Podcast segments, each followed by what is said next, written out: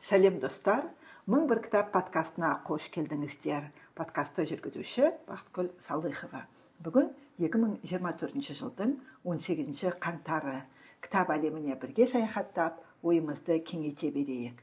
Біз алмайтын қамал біз шықпайтын шың болмасын. Қолымыздан бәрі келеді. Бүгін мен досым жазирамен бірге жаңа бір айдар ашып оны бір кітаптың тарихы деп атағым келеді.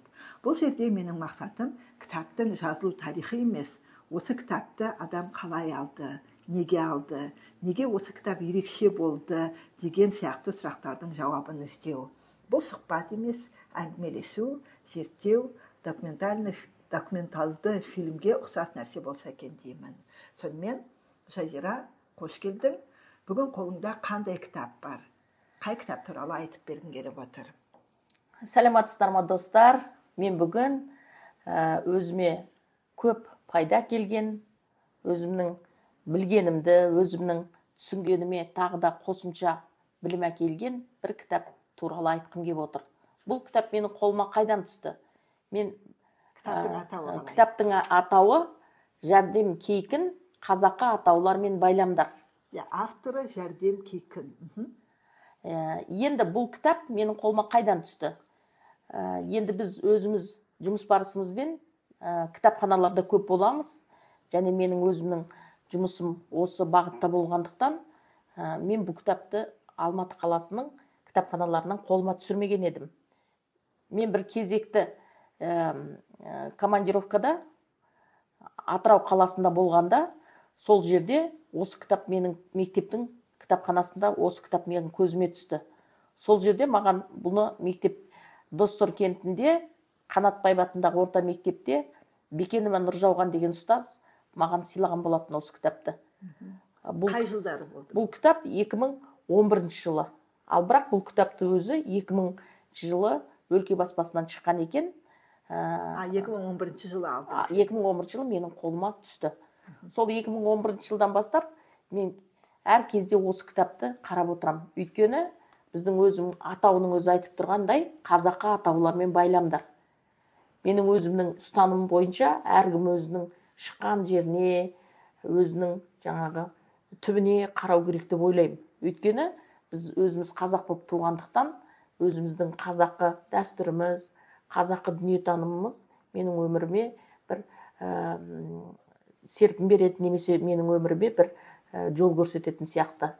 Және мен осы өзіміздің қазақы дүниетанымнан ә, көптеген өзімнің жаңағы өмірімдегі кейбір шешімін таппай жүрген сұрақтардың шешімін тауып аламын оқып отырып. Көбінесе мен осы уақытқа дейін қазақтың этнографы атақты жазушымыз ақселеу сейдімбектің кітаптарын көп оқып осы қазақ атауларға байланысты байламдарға байланысты өзімнің өмірімдегі жаңа айтып отырмын ғой кейбір шешімін таппаған дүниелер ә, немесе осы оқулықтар жазғанда ғылыми жұмыстармен айналысқанда көп заттарды сол кісіден алатынмын. Ал енді мына жәрдем кейкінің кітабын қарап отырғанда ә, адамның ә, бәрібір өміріне адамның ә, біліміне немесе жаңағы ары қаратай дамуына ортасы әсер етпей қоймайды. Иә осы кезде бір тағы бір сұрақ туындап отыр. Сонда қазіргі кезде адамдар психологтарға барады психоаналитиктерге барады. Және шетел әдебиеттері көп қазақ тіліне аударылып ұсынылып жатыр. Сонда адамдар өз сұрағына жауап іздегенде көбінесе танымал кітаптардан кейде іздеп жатады. Және ол кітаптар басқа тілде шыққан болса ол жерде дегенмен басқа елдің басқа халықтың дүниетанымын тану болып кете ма? қалай ойлайсыз сонда осы жерде? Енді әркім өзінің жаңағы іздеген затын ә, тапқандай болады. Мысалы шетел кітабын оқысақ та өзіміздің қазақы кітапты оқысақ тапқандай болады. Бірақ менің өзімнің енді көптеген шетел кітаптарын немесе әлемдік әдебиеттерді немесе өзіміздің қазақ дүниетанымдағы әдебиеттерді оқып отырғанда ә, әр нәрсені табасың барлық кітаптан да. Бірақ мен өзіміздің ә, қазақ ә, жазушыларының қазақ зерттеушілерінің кітабын оқығанда маған жаныма жақындау. Өйткені ол менің болмысым ол өйткені менің ә, жаңағы жан дүнием. Сондықтан да маған сол жақын және өзімнің жаңағы көп іздегенімді осы этнографиялық тарихи әдебиеттерден ә, осындай дүниелерден таптым деп айтсам болады. Енді осы маған қатты әсер еткені мына жәрдем кейкінің қазақ атаулар мен байлаулар дегенде. Мысалы көптеген қазақ атаулардың шыққан тарихын білмейміз біз. Сонда осы жерде қазақ атаулардың шығу тарихын жазады. Сонымен қатар мына байламдар деп отырғанымыз яғни біз ғылымда да өмірде де бір байламдар жасаймыз. Байламдар яғни ой, ой қорытындысы аналогия немесе жаңағы түйіндер деп айтамыз. Сонда бұл байламдар жасағанда ол байлам сенің өміріңе арғы қатайғы сенің қадамдарыңа әсер етпей қоймайды. Өйткені ол әр нәрсенің бір ә, соңғы нүктесі. Сонда мына жерде қазақ байламдар дегенде өте керемет ә, жаңағы ә, мақал мәтелдер немесе жаңағы ырым тиымдар тыйым сөздер осы жерде көбірек айтылады. Сонда көбінесе қазақтар ә, қазақтың қай этнографиялық кітаптарында жазылымдарында қарамасаң да ә, тыйым сөздердің жаңағы аяқ аяқ жағы айтылмайды. Ең соңғы неліктен деген айтылмайды. Көп нүктемен қалады. Сонда мен өзім бұрын ә, жастау кезімізде ойлайтынбыз неге қазақ сол тыйым сөздерінің аяғын айтпаған? Неге аяқтамайды? Аяқсыз қалады деп ойлайды мысалы үйге қарап жүгірме айға қолыңды шошайтпа немесе суға түкірме немесе жаңағы ә, жерге түкірме дейді да болды көп нүкте қояды. Ә, сонда мен өзімнің әкемнен де сұрасам болмайды дейтін болды айтпайтын. Ал енді біз кейін психология ғылымына жүгінген кезде көптеген психологтар оның себебін ә, жаңағы түпкі сананы лайламау деп айтады.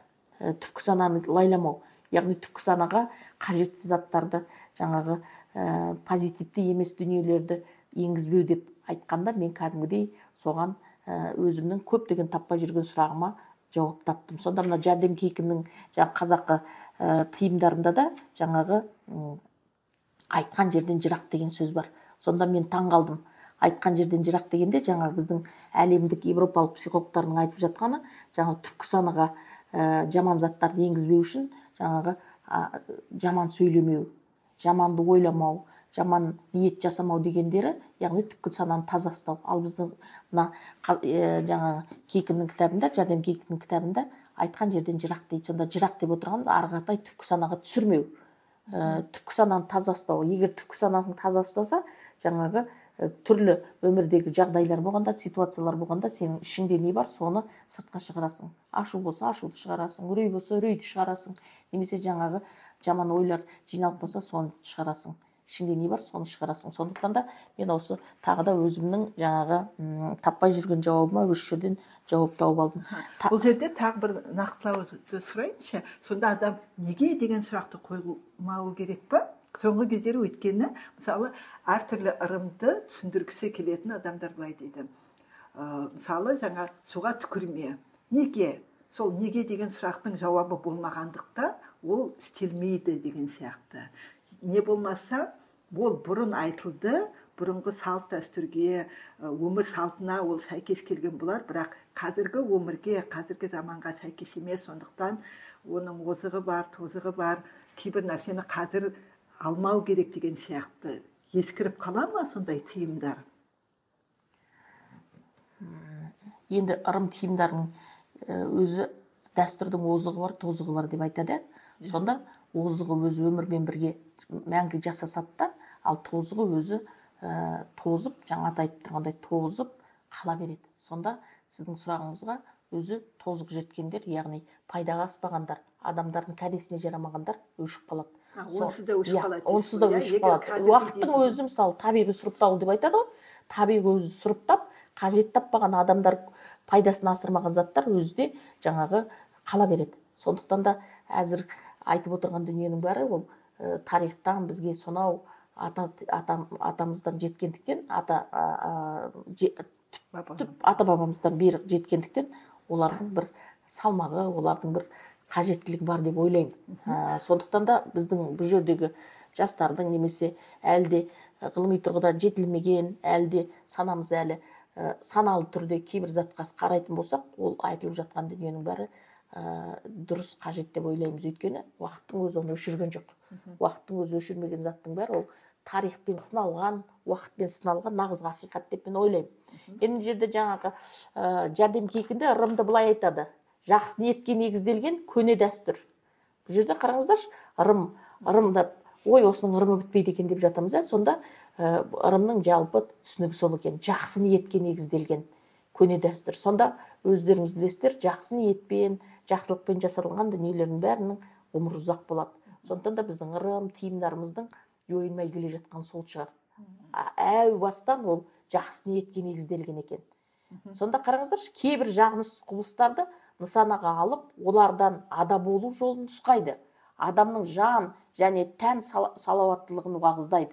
Ырымның дінмен сабақтасқан тұстары да бар бірақ ырымшылдық діншілдік емес. Тәрбиелік мәні бар салтшылдық дейді. Сонда қараңыздаршы сонда мына жерде жаңағы жәрдем кейкін ырымды жаңағы дінмен салыстырып отырып ол діншілдік емес. Ол дін өзінше басқа да ырым жаңа өзіміздің қазақы дәстүрімізде. Ә, күнделікті өмірде тәртіпке үйрету адамдарды тәртіпке үйрету деген сөз сөзіңде ісіңде ойыңда тәртіп болмаған жерде барлық жерде жаңағы жақсы нәтижеге жету мүмкін емес. Сонда сонда маған ұнағаны ол ырымның жай ниетке негізделген деп тұрған жоқ. Ол ниеттің өзі біз өздеріңіз білесіздер жақсы ниет болуы мүмкін жаман ниет болу керек арам ниет болу керек. Немесе өзіңнің жаңағы жеке басыңда ойнаған ниет болуы мүмкін. Ол ниеттің түрі түрі көп. Ал бірақ бұл жерде жақсы ниет деп отыр. Жақсы ниеттің бәрі. Сондықтан да біздің ырым тиымдарымыздың соншалық ғасыр ә, біздің ауыз әдебиетімізден келе жатыр. Жазба әдебиетімізге дейін сақталып жоғалмай және жоғал тек қана кітапта жазба әдебиетімізде ғана қалмай тұрмысымызда күнделікті біздің жаңағы өмірімізде басшылық қалып отырған себебіміз сол шығар деп өзім мен сондай бір байламға келдім. Жақсы. Мысал келтіруге бола ма ырым? Жақсы. Бұл жерде жаңағы өте ырымдар өте көп енді сіздер сіздерден рұқсат болса біз бұл кітабымыз бір күнде айтып бір подкастта айтып бере алмаймын. Қажет болса әрбір дүниеге бір подкаст арнасақ. Мысалы ырымға мынандай айтқан тыйымға мынандай айтқан немесе мынандай мақал мәтел бар деп. Қазір мен тек қана осы кітаптағы жаңағы жәрдем кекінің кітабындағы мақал мәтелдерді жинақтап берген мысалы мен бұл кітапты оқып отырғанда салыстырмалы түрде оқыдым. Сонда мысалы ә, бәрібір адамның өскен ортасы ә, қоршаған ортасы әсер етпей қоймайды ғой адамға жаңа басында да айттым. Сонда бұл батыстың ә, психологиясы мысалы қазақстанның жері қанша кең болса сонша ә, жаңағы ой бар сонша дүниетаным бар сонша жаңағы адамдардың өзінің ауызекі сөйлеуінде көптеген ерекшеліктер бар ғой. Мысалы сондықтан мына жерде кейбір мақал мәтелдерді мысалы біздің оңтүстікте айтылатын мақал мәтелдердің мысалы батыстағы мақал мәтелдердің өз нұсқасы бар екен мен соны салыстырдым. Сонда қарасаңыз мына жерде ә, мына бір жаңағы ә, жәрдем кейкінің кітабында мына бір мақалды қараңыздаршы. Ә, ал біздің оңтүстік өңірде бұл мақал басқалай айтады. Мен қазір сіздерге салыстырмалы түрде айтып кетемін. Мысалы еркек сергек ұйықтаса іріс бітеді әйел сергек ұйықтаса жұмыс бітеді дейді. Ал біз бұны ерте тұрған әйелдің бір артық ә, ә, ерте тұрған еркектің ырысы артық деп иә. айтамыз иә. Батыстық нұсқасын қайтадан оқып беріңізші. Еркек сергек ұйықтаса ырыс бітеді. Әйел сергек ұйықтаса жұмыс бітеді. Ұйықтаса деп мына жерде сергек ұйықтаса. Ал біз ерте тұрса деп жатырмыз да. Иә. сонда осы жердегі маған ылғи мен ойлағанда айтатындай әйел іс тындырады ол нақты түсінікті болып тұр. Ырыс деген не мағына. Бұл жерде ырыс деген жаңағы материалдық тұрғыда айтылып тұрған сияқты. Материалдық тұрғыда. Ә, яғни бәрібір де еркек адам үйдің жаңағы ә, діңгегі ғой. Ә, үйдің жаңағы нанын тасушы біздің жаңағы қарнымызды тойдырушы ғой еркек адамдар.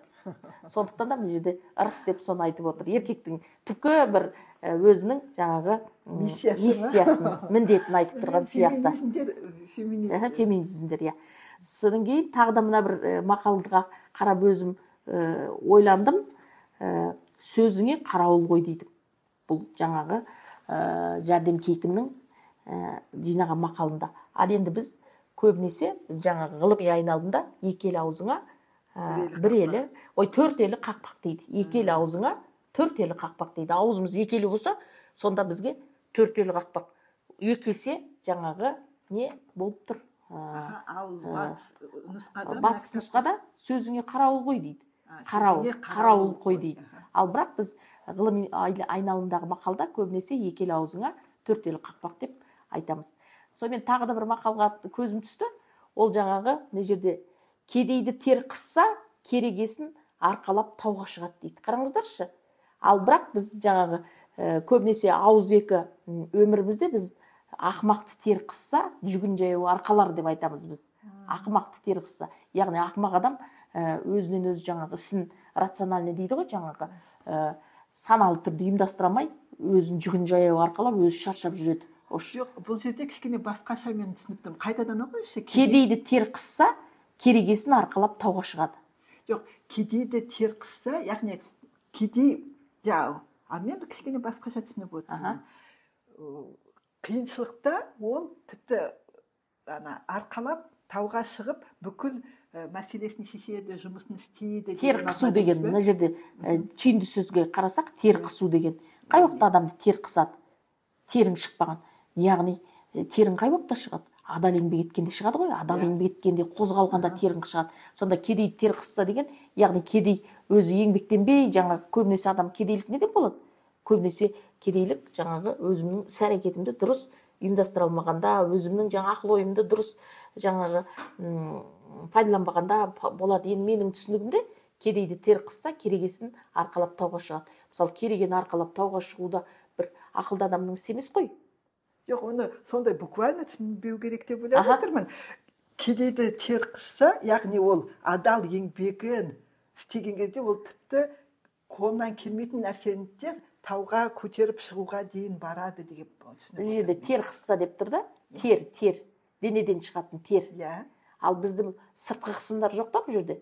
Біреу қысып жатса немесе жоқшылық қысып жатса деген тер қысса. Мысалы терің қай уақытта шықпайды? Денең құрысып тұрысады қай уақытта? Еңбек етпегенде. иә тері шықпай тұр иә. деп мен өзім солай ойладым. Сонда тер қысу деген сөз өзіңнің жаңағы еңбектенбей жатқанда мен енді өзімнің жеке басымнан солай түсіндім. Менің жеке түсінігім енді субъективті түсінігім сонда. Сонда біз ә, көбінесе ақымақты тер қысса жүгін жаяу арқалар деп бізге мамаларымыз әкелеріміз сөйтіп айтатын ақымақты тер қысса ақымақ деген сөз жаңағы ойланбай жүгіңді жаяу арқалап жаңағы алысқа бармайсың ғой. Ә, жолда қаласың. Сонда ә, жаңағы рационалды әрекет емес. Сол маған бір осы өз ойланбай істеген іс ана екі аяғыңа жүк түсіреді деген сияқты иә сондай. сол соны да айт сол нұсқада дұрыс келеді. Жаңағы ә, ақымақ адамның екі аяғына ә, салмақ түседі жүк түседі. Деген дүние. Енді мен өзімнің бұл ә, жеке ә, субъективті осы кітапты оқып отырғандағы кейбір түйген байламдарым менің өзім байламдарым. Сондай маған сол осы кітап ұнады. Егер енді бұл кітаптың ә, мазмұнын қарайықшы ішіне қандай нәрселер жиналған екен? Мақал мәтелдер деп айтып отырсыз тағы не бар жақсы. ішінде? Бұл жерде тек қана жаңағы ата тек ұрын бұтаққа туыс туғанға байланысты атаулар мысалы балдыз жезде немесе жаңағы әкпе жеңге деген сияқты сол атаулардың түсініктемесі беріледі. Содан кейін қазаққа ә, жаңағы бесік сандық солардың жаңағы ә, шығу тегі немесе жаңағы функциясы айтылады. Содан кейін сырлы сандар сандардың сырлары айтады. Неге бұл сандар? Одан кейін барып жаңағы ә, той томалақ сол туралы айтылады. Бізде той томалақ деп айта береміз бірақ олардың өзінің ерекшелігі бар. Содан кейін ә, жағымсыз бейнелер қазақ қолындағы жағымсыз бейнелер. Содан кейін тағы маған қатты ұнағаны жаңағы ұлттық киімдер. Қыз баланың киімі. Кейде мысалы адамның әлеуметтік рөліне байланысты мына қазақта сол ұлттық киіміне қарай тани қойған әлеуметтік рөл емес. Қазір бізде ә, жаулық тағамыз орамал тағады мысалы қыз балалар күйеуге шықпаған соның бәрін жазады мысалы қазақ ә, әлеуметтік рөлін сол киіміне қарап тани қойған. Әлеуметтік рөлінде жаңа ә, ә, қоғамдағы орнында киіміне қарай. Осы сол жерде жақсы жазылған. Соң қазаққа ата, жаңағы баспананың атаулары.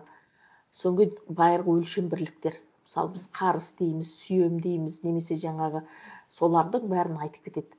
Ә, керемет. Сол қазақы өлшем бірліктер. Мысалы балаларға математикалық тұрғыда қазір сантиметр дециметр миллиметрді ғана біледі да қазақы өлшемдер қазір көп аталмай кетті. Мысалы қарыс дейміз сүйем дейміз жаңа айттым ғой. Соның бәрі айтылған. Содан ұлттық тағамдар айтылған жол атаулары айтылған төрт түлік оның жаңағы төлдері туралы айтылған. Ер тұрман ә, асық атаулары хайуанаттар әлемі құстар әлемі. Қазақтың теңіздері мен өзен көлдері мысалы олардың байырғы атаулары аталған ә, тарихи атаулар. Сосын қазақша күн қайыру ә, жыл он екі ай табиғат құбылыстарының атаулары және маған бір қатты ұнағаны мына жерде ә, табиғат құбылыстарына байланысты мысалы жауынның немесе ә, аяздың қаншама жаңағы балама атаулары мына жерде салынған. Иә мысал келтірейік. мысал келтірейік қазір. Ә, мысалы ә,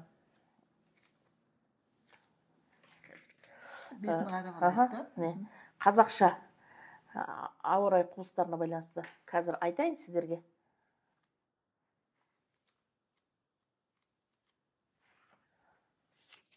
Мысалы бұлт атауларына байланысты бұлттың мысалы біз бір ақша бұлт дейміз немесе жаңағы қазбауыр бұлт деп айтамыз ғой бірақ мына жерде бұлттың 24 атауы беріледі. Қазақ атаулар керемет сондай.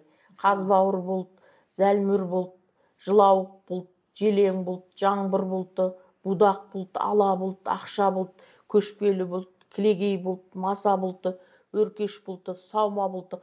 Енді осылай атап кете беруге болады. Бұлттың өзінің жиырма төрт атауы берілген. Мен жаңбыр атауларын көрдім соңғы жаңбыр атауларының өзі мысалы біз ақ жаңбыр дейміз немесе сөйтіп бірнеше түрін ғана білеміз ғой. Мына жерде жаңбыр атауының өзі он үш түр берілген. Қараңыздаршы ақ жаңбыр дейді боз жаңбыр дейді бұршақ дейді бұршақ жаңбыр дейді былғары бүрку дейді қара жаңбыр дейді қарлы жаңбыр дейді мұзақ дейді нөсер дейді өткінші жаңбыр соқыр жауын мысалы соқыр жауынды ата анамыз айтып отыратын. Иә. Күннің көзі шығып тұрғанда жауатын жауынды соқыр жауын деп. Яғни мен сол ата анамның айтқан жаңағы осы жаңбырға байланысты атауын осы жерде нақты баламасын ата анам дұрыс айтқан екен деп осы жерде өзім сондай бір байлам жасадым. Сылбыр жаңбыр сіркіреу жаңағы себездеу деп жаңағы жаңбырдың жаңағы сипатында айтады жаңбыр жаудың сипатында айтады. Соң қар атауларының өзі мына жерде жиырма үш қар атауы бар. Мысалы біз ақша қар дейміз немесе ә, бозқырау деп жапалақ қар деп айтамыз ғой бітті ары сонда бұл бұл кітаптың ерекшелігі не мына яғни бұл ә, жәрдем кейкіннің мына кітапты ел арасынан жаңағы елдің фольклоры ғой бұның бәрі. Ауыз әдебиеті кезіндегі қа- қазақтың дүниетанымы.